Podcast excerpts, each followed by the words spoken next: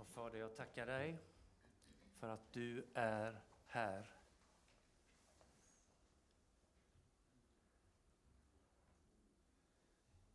Och jag ber dig Gud att det ska vara märkbart för oss. Och för dem som det inte är märkbart för. Jag tackar dig att du är där också. För du säger att det är två eller tre är i ditt namn, där är du mitt ibland oss. Vi litar på det, vi tar det löftet. Du är här. Och där du är Gud, där vill du skapa, där vill du upprätta, där vill du trösta, där vill du ge liv, där vill du ge läkedom, där vill du ge kraft. Där vill du ge lösningar på problem, både praktiska problem, andliga problem, själsliga problem. Du är skapare, frälsare och livgivare. Du är här. Så utgjut din Ande mitt ibland oss, om möjligt ännu mer Gud. Låt Öjersjökyrkan, låt den här kvällen bli en lika tunn plats mellan himmel och jord som den Jakob fick vara med om när han drömde om änglarna på natten. Och när han reste sig upp så sa han, här var Gud. Jag ber dig att vi ska kunna säga det när vi går hem härifrån ikväll. Här var sannerligen Gud. Ja, Fader, vi lägger resten av kvällen här i dina händer. Var med oss här nu när vi ska lyssna på ordet. Tack att du är med också i det. Amen. Åh, gott att se er. Eh, först bara innan jag dyker in i det som vi ska prata om. Där sitter de och målar och grejar och jag var tillbaka i minnet direkt 13 år tillbaka första gången jag var i Kalifornien i Bethel Church. Jag var där och besökte en församling och kom på lördagen till deras healing room, ett helande rum där man bad för sjuka. Flera hundra stod på kö. För varför? Jo, för att det hände saker där. Så enkelt är det. Eh, många sjuka var där och många gick därifrån mindre sjuka eller inte sjuka alls. Ja, jag fick se många, många märkliga saker där. När jag kom in i det som de kallar för encounter room, ett slags en, ett förrum där man sitter i väntan på att få en personlig förbön. Stort rum. I mitten var det konstnärer som målade. Och jag tänkte, var har jag hamnat någonstans? Vad är det här för konstigt ställe? Skulle vi inte be för sjuka? Men då målar de tavlor där. Jag går fram och tittar på en tavla. En väldigt enkel tavla, gult och blått och så står det bara fyra bokstäver. H-O-P-E, HOP, på svenska hopp. Och jag, jag tjuvtog en bild med min kamera, eh, tog hem den, framkallade den, satte upp den på mitt arbetsrum Eh, och den hängde där länge innan jag skänkte den vidare till en som behövde den bättre än mig. Men det berättas om den tavlan att en person som hade fått en hjärntumör, fått liksom sista domen, vi kan inte göra mer. Vi kan inte göra mer. Och då tänkte hon, hon hade hört talas om detta bön för sjuka-rummet, så hon åker dit. Och så går hon och så ser hon också, och då såg hon just den här tavlan. Ingen har bett för henne där och då, men hon går fram och ställer sig och tittar på den tavlan. Och så känner hon helt plötsligt hur någonting börjar rinna ut ur örat. Något klägg. Och det som rann ut var tumören, sen var hon helad. Men ni kan väl säga lite wow i alla fall. Vad var det? Jo, de, de, de har alltid, eller ofta i alla fall, konstnärer som målar eller dansar eller gör något annat. Gud är den första konstnären som säger var det ljus och ljuset kommer. Han säger stjärnor blir till och stjärnor blir till. Han säger fjäril blir till och fjäril blir till. Vilken konstnär! Och den första som Gud fyller med helig ande är en hantverkare som också är konstnär. Så det verkar vara så att Gud tycker om, hans blick, hans hjärta dras till, till de platser, de sammanhang där konsten får lov att finnas. Får man lov att säga så? Och, och idag så finns det två konstnärer här inne. Eller är det fler? Tre konstnärer. Och här sitter, hur många är vi här idag? 50 pers. Här sitter 50 konstnärer. Ja, jag kan inte rita, tänker du då. Nej, men du är, ett, du är ett Guds konstverk i sig.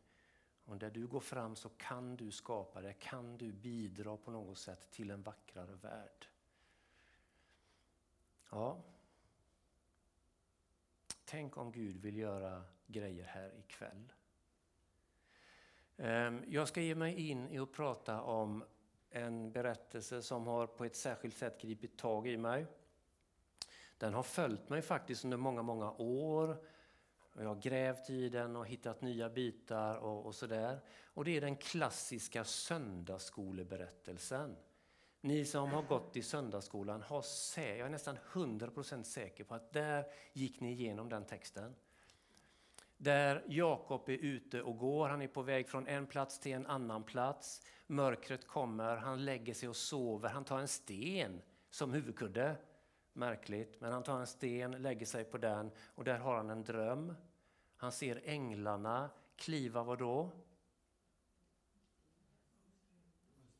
Ja, de kliver upp och de kliver ner. Och det var nog den första sanningen som bara knockade mig.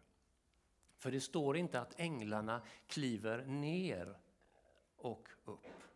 Det står änglarna kliver upp och ner. Vad betyder det? Jo, det, var att, det betyder att de var där redan hos Jakob utan att han hade sett det, utan att, han, utan att han hade förstått det.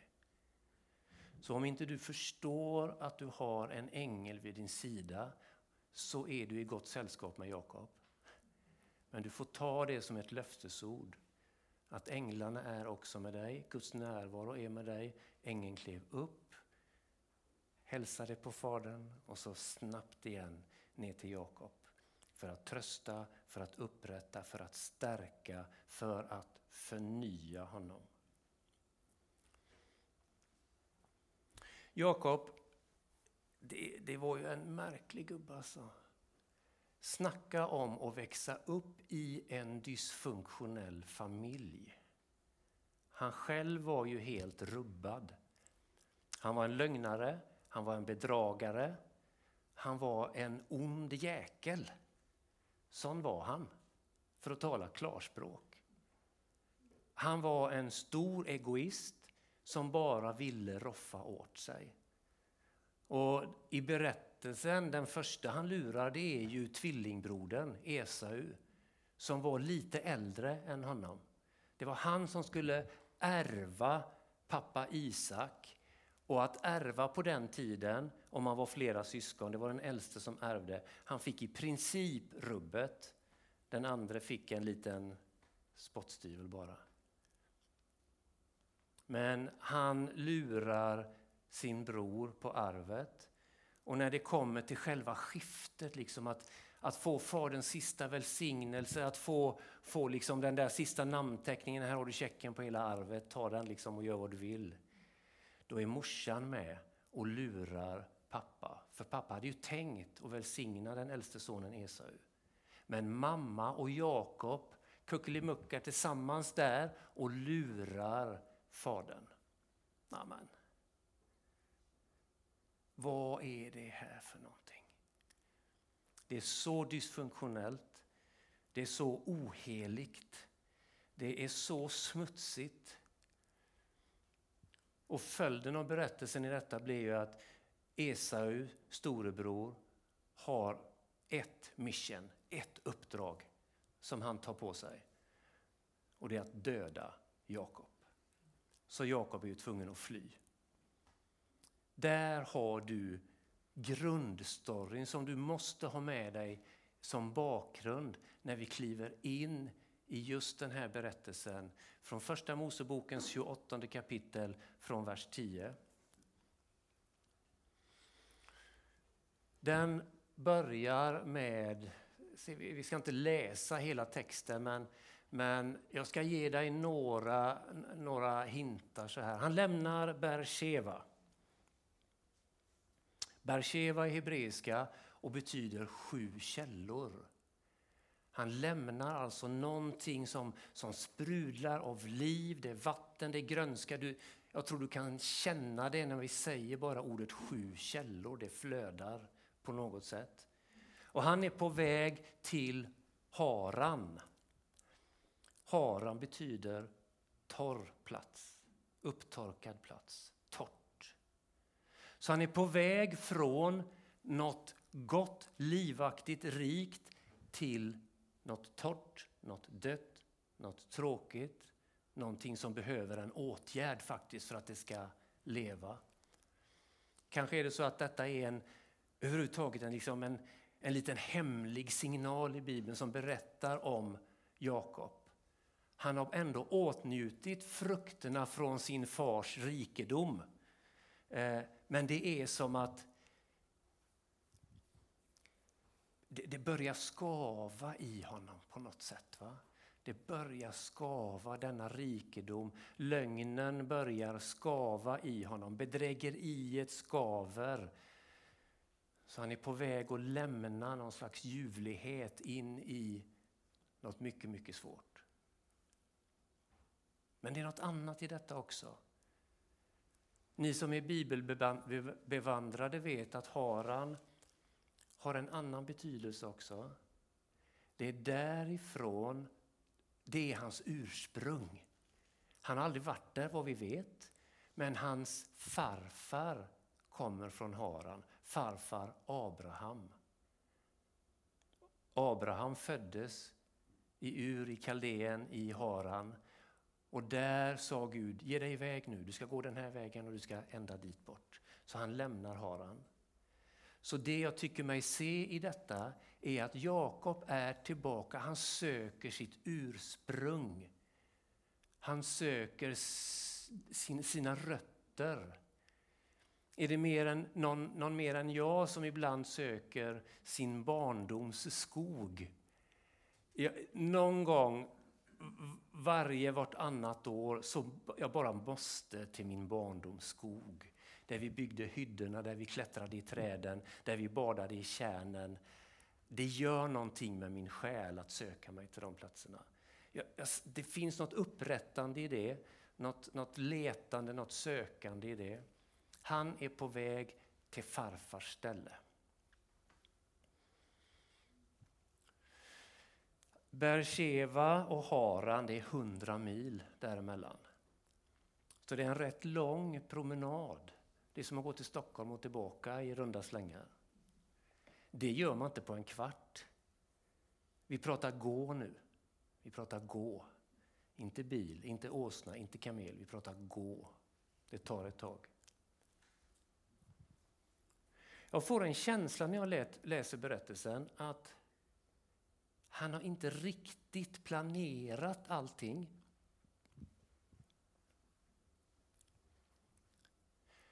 Han kom fram till en plats där han stannade för natten eftersom solen hade gått ner. Det är ungefär som att han är ute och går, han är uppfylld av några tankar och så är det precis, oj, det blev visst mörkt. Men tjena, hallå, det är klart man har sett skymningen. Ja, men han kanske är så fylld av sina tankar, sin historia, det som skaver i själen i hela honom. Så han upptäcker inte.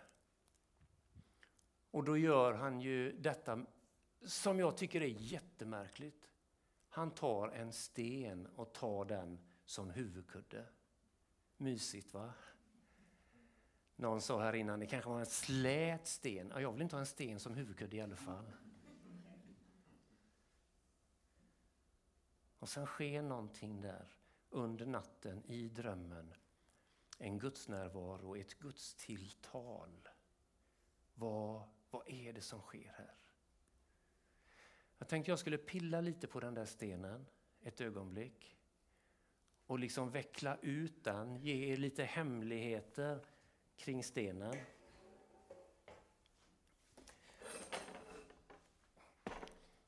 Hade, hade, hade Anders Petter hållit det här föredraget nu så hade vi fått massa powerpoint-bilder. Jag är old school. Jag är så gammalmodig så att det ryker om det. Men, men det, det får ni på köpet idag. Jag tänkte jag skulle lära er lite hebreiska. Var inte rädda, för det finns hemligheter här ser du. Med just ordet sten. Det finns ett centrum i Jakobs historia som har med stenen att göra. Ehm, sten heter på hebreiska even, eben, aven, aben. Man, man kan säga det på lite olika sätt. Har tre stycken bokstäver.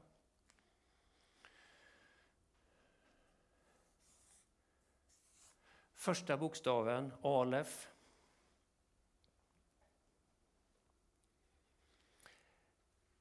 Ni kanske har koll på att siffror har heliga betydelser i Bibeln.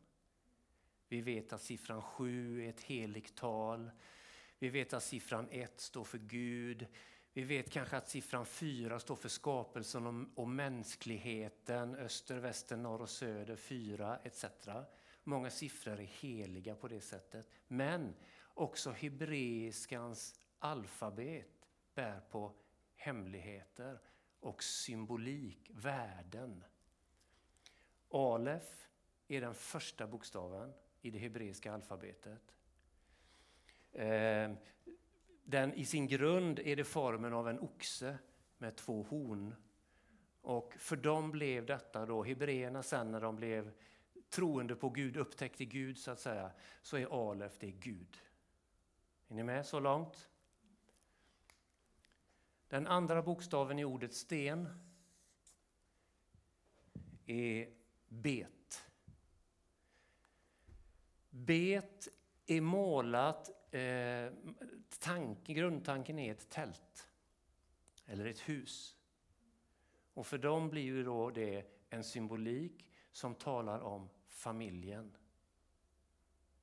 Så vi har Gud och vi har familjen. Och så har vi den tredje och sista bokstaven. Ja, man skriver från höger till vänster. Den sista bokstaven är nun. Den är målad som en grodd. En liten växt som precis har stuckit upp. Står för förnyelse, nytt, upprättelse, börja om.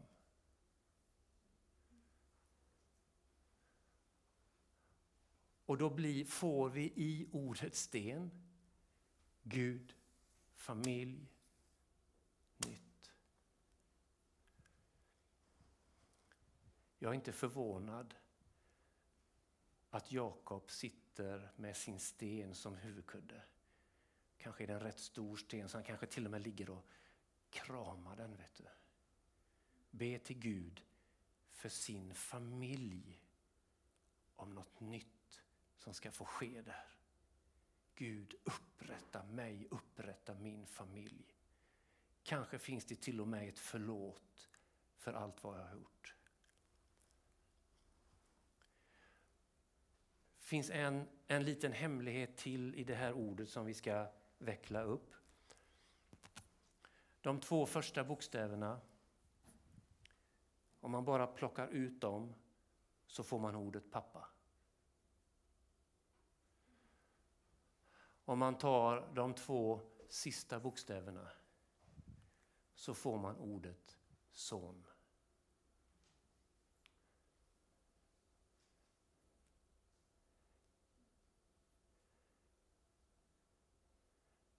Här har vi en man, Jakob, som har varit med och kraschat sin familj. Varit med och kraschat alla relationer i familjen som på något sätt är tillbaka, söker sig tillbaka till sitt ursprung. Som om han från djupet av honom själv, han vill någonting annat.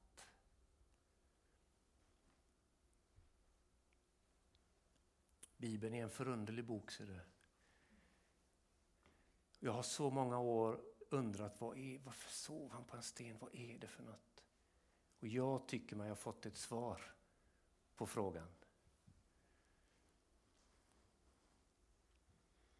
Och det är, mitt i detta så kommer då drömmen om stegen. Han ser en stege och änglarna som går upp.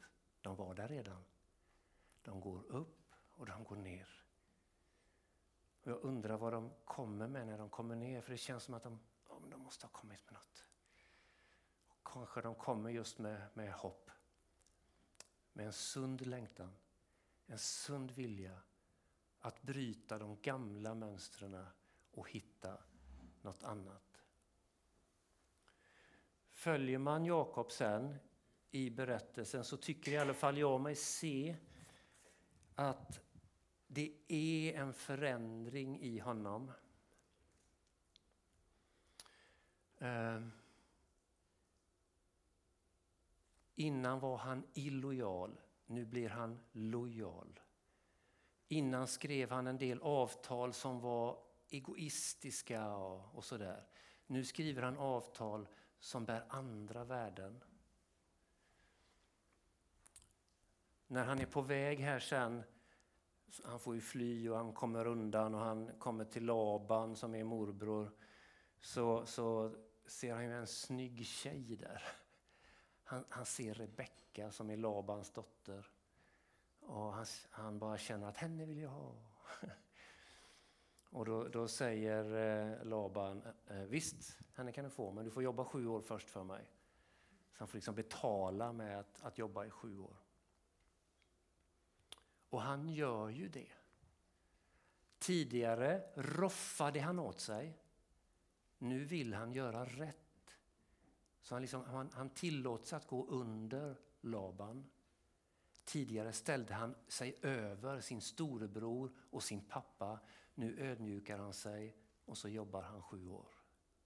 Och sen visar det sig då på bröllopsnatten eller dagen efter, det hade varit mörkt och huckla och alltihopa, så var det ju inte Rebecka han fick utan det var ju Lea. Den fula av dem. Så att eh, han blev väl lite gramse då, men de gör ju ett nytt avtal. Och när bröllopsveckan är slut, så okej, okay, slut för bröllopsveckan. Gör det du ska med Lea liksom, så att det är bra. Så ska du få Rebecka också. Och eh, då, då fick de göra ett nytt avtal. Han fick Rebecka direkt. Men han var tvungen att jobba sju år till.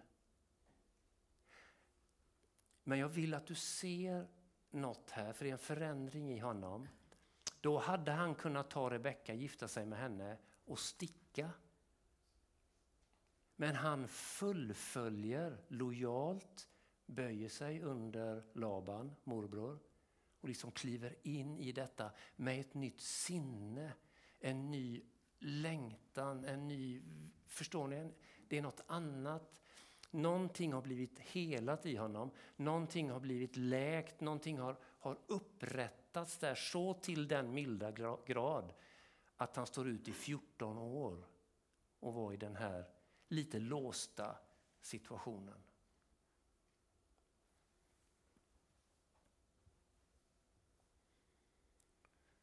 Ska jag ta den storyn också kanske, för den, den, den hör lite hit ändå. Han vaktar fåren och han säger till Laban att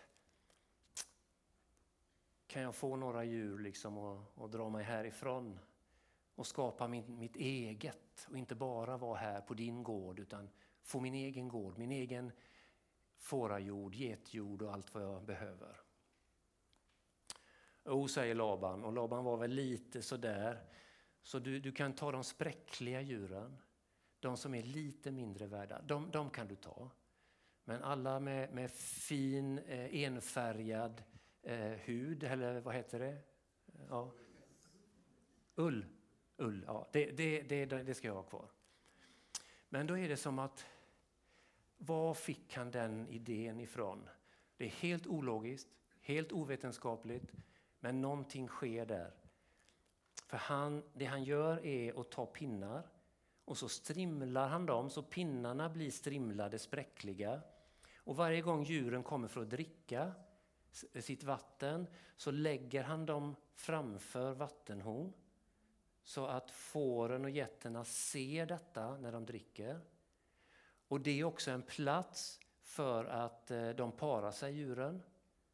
Så alla djur som parar sig i samband med att de dricker och ser spräckliga pinnar får, blir spräckliga, får spräckliga ungar.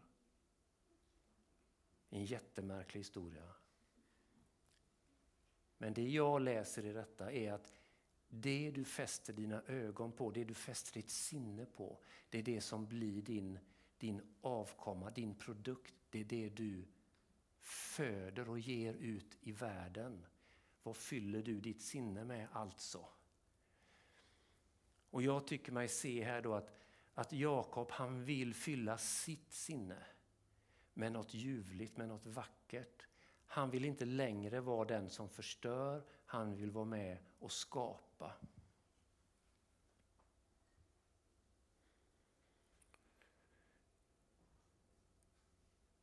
Så är Esau efter honom, mitt i detta. Och strax efteråt, några kapitel senare, så möts de. Och det är så vackert som man kan gråta, vet du. För Jakob vet att Esau är ute för att döda honom.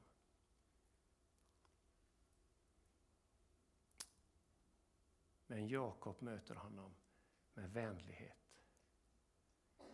Med något ömsint. Det är som att hans egen bild av sin bror har upprättats.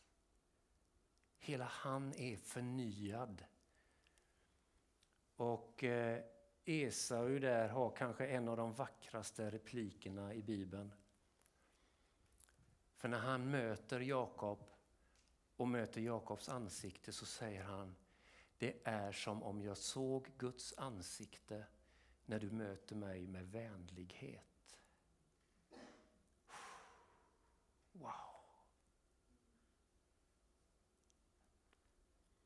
Då har man blivit helad och läkt och upprättad så till den milda grad att du kan möta den som vill döda dig kan du möta med vänlighet, med värme, med någonting från Guds eget hjärta. Det är helt makalöst, helt makalöst och fullt möjligt. Fullt möjligt.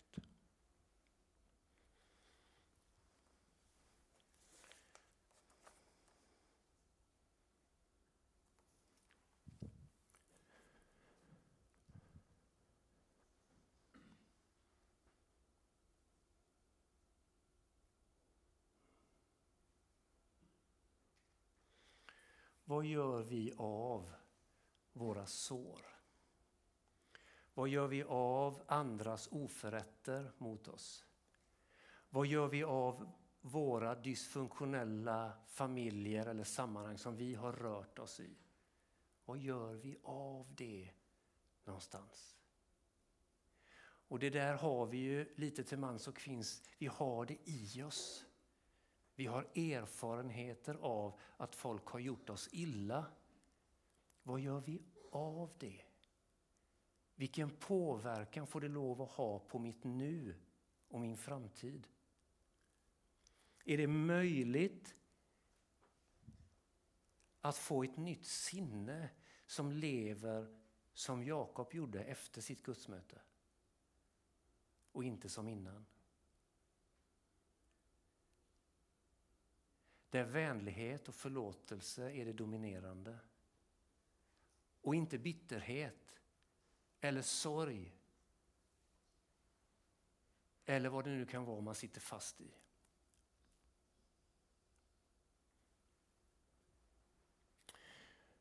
Är det möjligt att förlåta?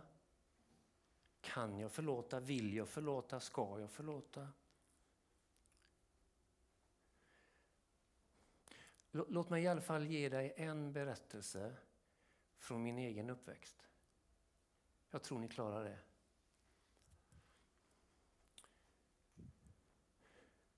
Min pappa lämnade familjen när jag var sex månader gammal. Bara det gör ju något med ett barn. Vi hade väldigt lite kontakt med honom, min bror och jag. En bror som är fem år äldre. Jag kan egentligen bara minnas två tillfällen då jag träffade honom som barn.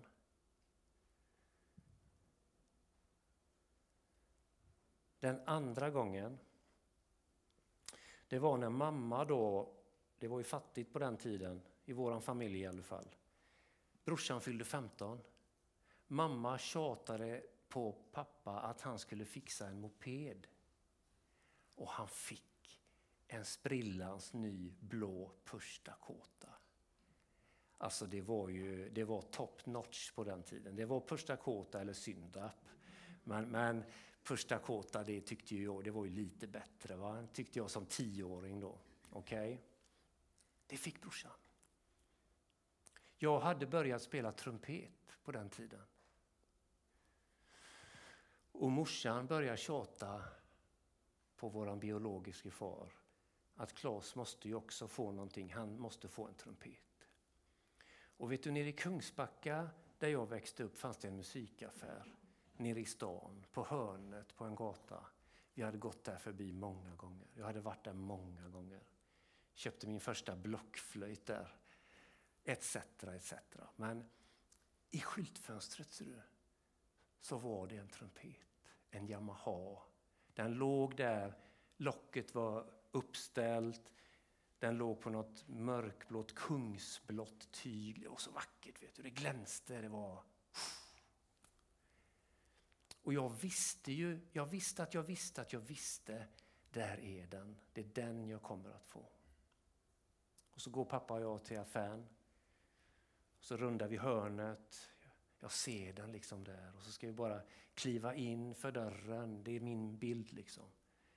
Men vi går förbi musikaffären. Vi går förbi musikaffären. Och 50 meter bort så är det en second hand-affär. Där går vi in. Och jag får en trumpet därifrån som kostar 200 kronor. Och den var sämre än den lånetrumpet jag hade från kommunen. Jag tror du förstår att det här gör någonting med en tioårig liten pojke. Brorsan fick en sprillans ny första kåta, jag vågar inte tänka vad den kostade. Jag fick en sketen, bucklig, svårspelad trumpet.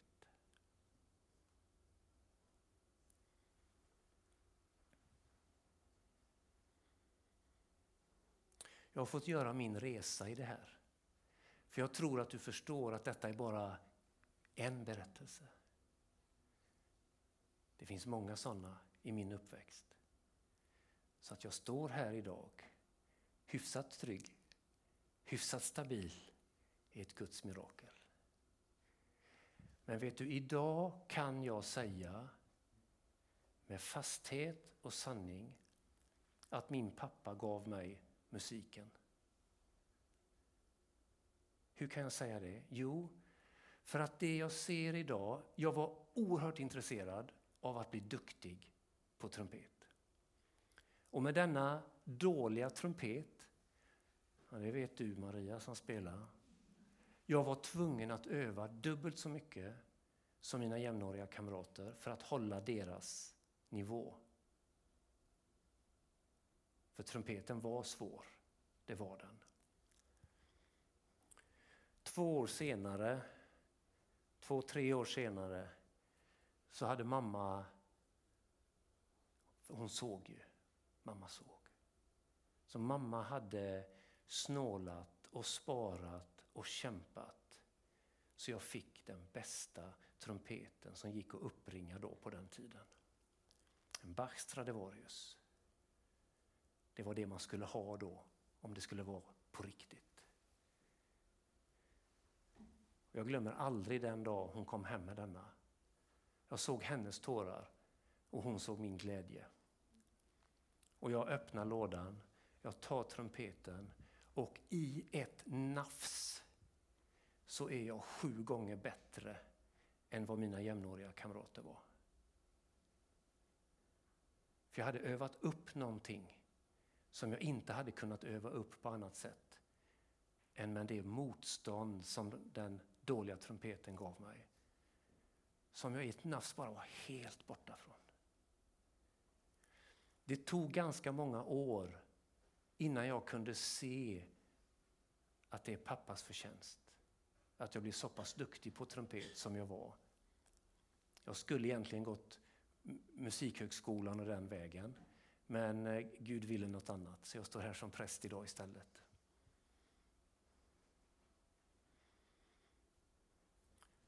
Det tog också många år innan jag kunde säga jag förlåter pappa. Men vet du, jag tror att det är viktigt att vi kommer dit.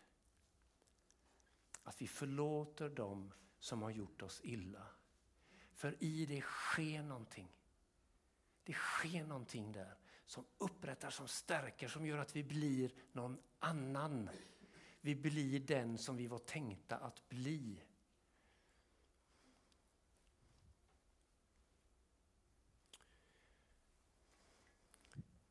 Så vaknar Jakob från sin dröm och så säger han Gud var här och jag fattade inte, jag förstod det inte, men jag förstår det nu.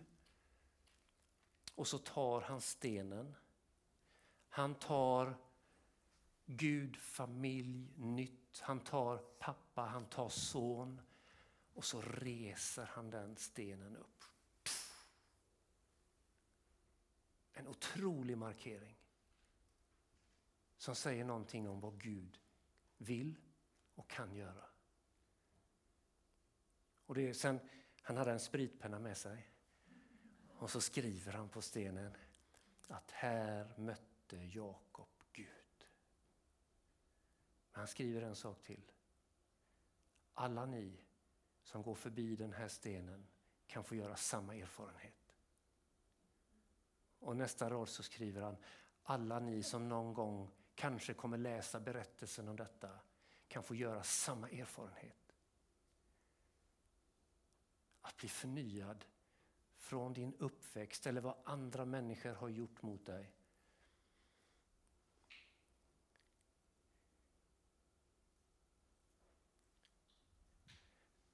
Ibland, ibland hjälper det inte att bara bli en kristen. För man har sina sår ibland med sig. För man har lämnat över vissa saker till Herren, men vissa har varit svårt att lämna. Men jag tror att vi behöver vara på en resa från Bersheba till Haran. Vi behöver hitta vårt ursprung och vi behöver söka en förlåtelse i det.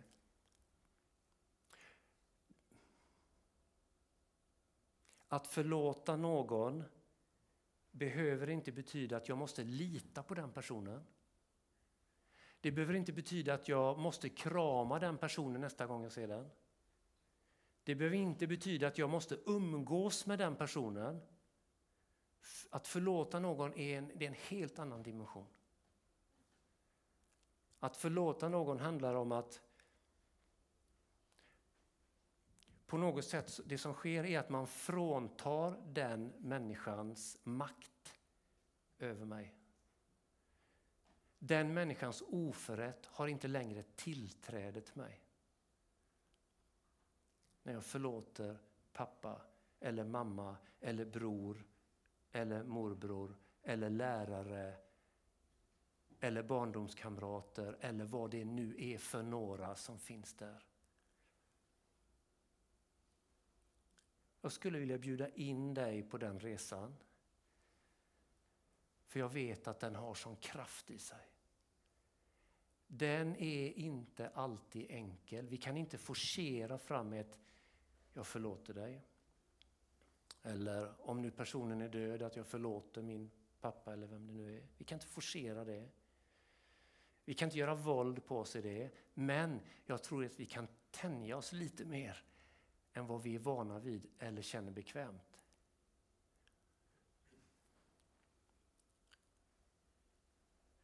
I inte bara en förhoppning utan i visshet att Gud är den som både vill och kan hela, läka och upprätta och skapa nytt.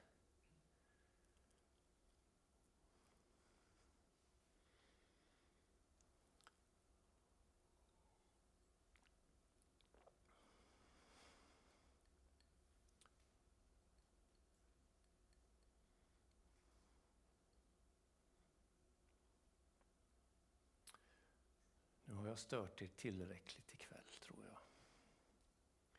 Men jag skulle vilja be för er, välsigna er på er resa i detta.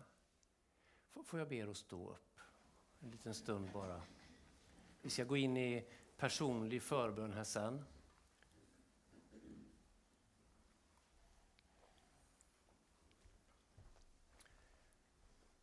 Fader, jag vill bara tacka dig för att jag själv fick komma till den punkten där jag kunde säga att jag förlåter pappa. Och jag ber att du fortsätter att röra vid mig Fader så att jag kan fortsätta att säga förlåt till andra människor som gjort mig illa. Och jag vill, jag vill be om en Guds andes vind över oss allesamman. För jag, jag är övertygad om att vi allesammans har sånt här i vår historia. Som blir som fiender som ibland jagar oss i tanke och känsla och så knuffar vi bort det ibland och så är det tillbaka liksom och så blir det till en bitterhet, det blir till en sorg, det blir som en ilska. Men jag ber dig Gud nu att du lägger en vilja i oss allesammans att förlåta och att klippa banden, de osunda banden till våra jobbiga erfarenheter i livet. Och jag tackar dig Gud att du kunde upprätta Jakob. Alltså det är så magiskt Gud. Det är så starkt Gud. Så att Esau liksom såg Guds ansikte i Jakob. Och jag ber dig Gud att det ska vara så för var och en av oss. Att din ljuvlighet får komma och liksom tränga bort bitterheten och såren. Din ljuvlighet Fader. Kom, kom här ikväll Gud. Jag ber för varenda en av oss. Kom Kom och välsigna dem som vi tänker på nu och förlåt dem. Vi ber för våra barn. Vi ber för våra föräldrar, lärare vi haft. Och där vi, ja, jag, jag, jag vill bara uppmuntra er alla. Våga göra en resa i detta. Det finns befrielse där. När vi förlåter någon så förändras vårt ansikte till att bli ett Guds ansikte.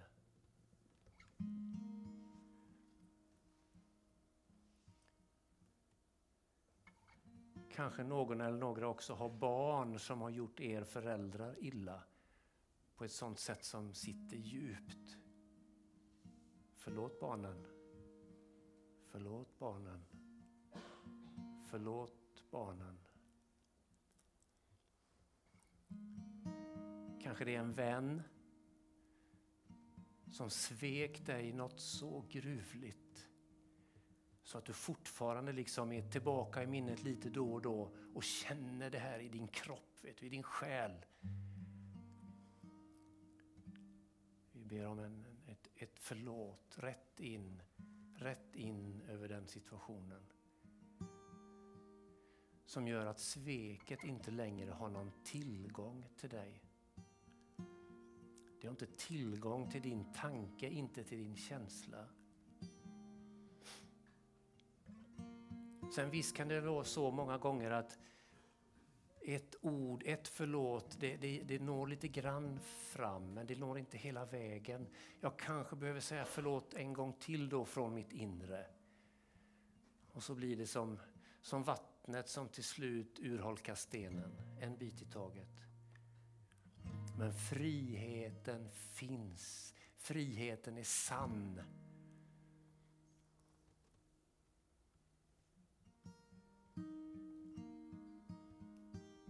Så fortsätt ditt verk Fader nu, resten av den här kvällen. Och jag ber dig, tänk Gud, om vi också kunde få drömma om änglar i natt. En ängel som kliver upp och som kliver ner. En ängel som kliver upp och hämtar något från Faderns hjärta och kommer med det som en gåva till mig. Så jag ber om frid in i natten. Ber om läkedom där Fader och gudsmöten som förändrar min morgondag.